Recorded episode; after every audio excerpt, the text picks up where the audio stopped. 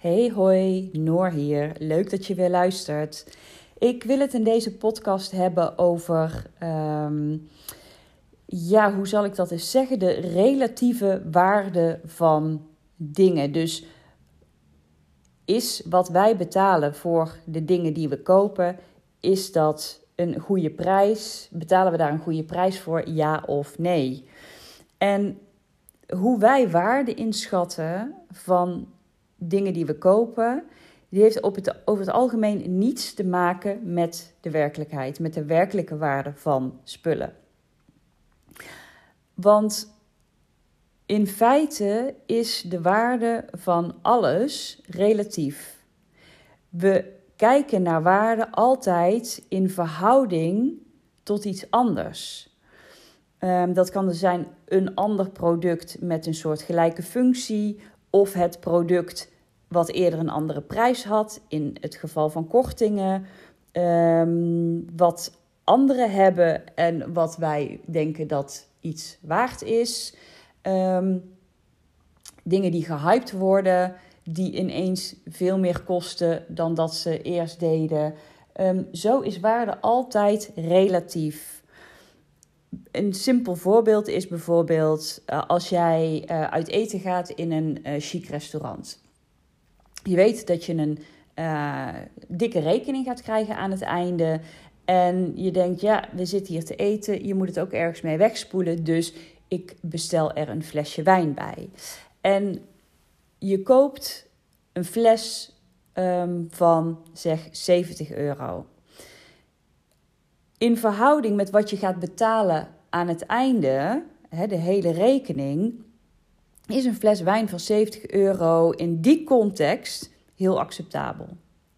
Maar als jij weer thuis bent en jij komt bij de slijter voor een flesje wijn uh, voor de vrijdagavond op de bank, dan is de kans dat jij een fles wijn voor 70 euro koopt klein. Waarom? Omdat dat een nogal hoog bedrag is voor een fles wijn, wat je op een vrijdagavond even wegslobbert bij een film op de bank. Maar feitelijk is die fles dus even duur als die fles die je koopt in dat restaurant. Daar vind je hem dus wel um, die 70 euro waard.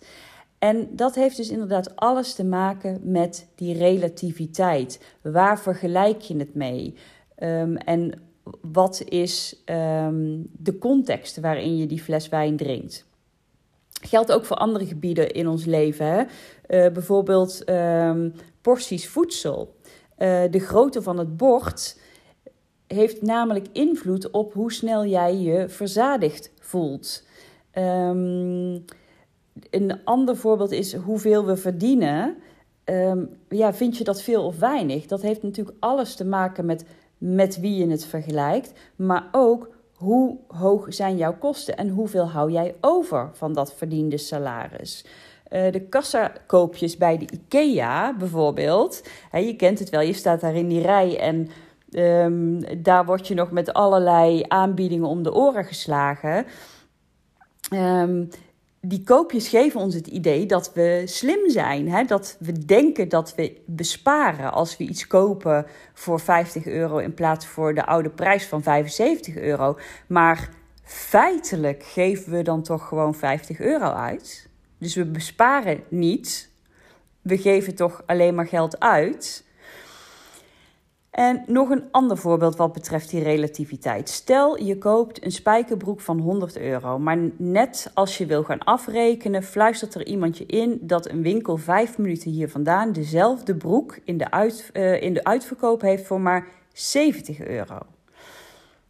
Dus vijf minuten rijden kan je die broek dus voor 30 euro goedkoper kopen. Zou je dat doen? En voor de meeste mensen geldt het antwoord ja. Dus je rijdt 5 minuten om 30 euro te besparen op een spijkerbroek van 100 euro. Oké, legitiem. Nu je die spijkerbroek hebt, heb je, wil je een nieuwe iPhone. Die nieuwe iPhone die kost 1300 euro. En als jij in de rij staat om hem af te rekenen, zegt diegene achter je: ehm, dat in een zaak vijf minuten hier vandaan diezelfde iPhone in plaats van 1300 euro maar 1270 euro kost. 30 euro minder dus. Wat doe je? Ga je vijf minuten rijden om 30 euro te besparen op 1300 euro? De meeste mensen zouden dat niet doen. En we kijken dus in beide gevallen niet naar de echte absolute waarde van de besparing, namelijk 30 euro rijden voor 5 of hè, 30 euro besparen voor. Um, of nee, sorry, 5, 30 eh, euro verdienen door 5 minuten van onze tijd in te leveren. Want dat is in beide gevallen namelijk het geval. We vergelijken die 30 euro met die 60 euro en met die 1300 euro. Dus we kijken naar het relatieve voordeel wat we eruit halen. Dus de besparing van 30 euro op een spijkerbroek van 100 euro is vele malen hoger, relatief gezien, dan op die iPhone. Maar toch gaat het in beide gevallen om 30 euro. Dus maken we dan logische keuzes op dat moment? Ik denk het niet, maar het blijken wel makkelijke keuzes te zijn. En daar houden we van. Kortingen die vereenvoudigen het beslissingsproces. Want als iets in de uitverkoop is, blijkt dat we sneller handelen en gedachtelozer handelen dan wanneer een product niet in de uitverkoop is, maar wel dezelfde prijs heeft. Dus we worden, ons brein speelt een spelletje met ons op die manier. En het is volkomen normaal hoor, want iedereen doet het, ik doe het ook. Het is namelijk gewoon mensen, een menselijke neiging om dingen relatief te beschouwen. Dus of je goed verdient, hangt af met wie je jezelf vergelijkt. Of jij in een groot huis woont, hangt af met wie je jezelf vergelijkt, etc. Het is allemaal relatief.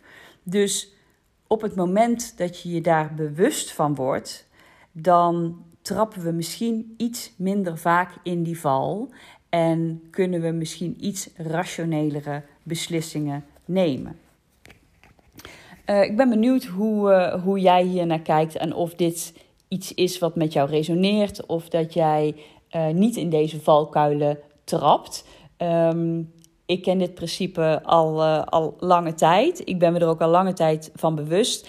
En nog steeds trap ik wel eens in deze valkuilen. En daar is verder ook niet zo heel veel mis mee. Maar het is wel gewoon interessant om eens na te denken over hoe neem ik mijn koopbeslissingen op basis waarvan? En is dat terecht of hou ik mezelf stiekem een beetje voor de gek?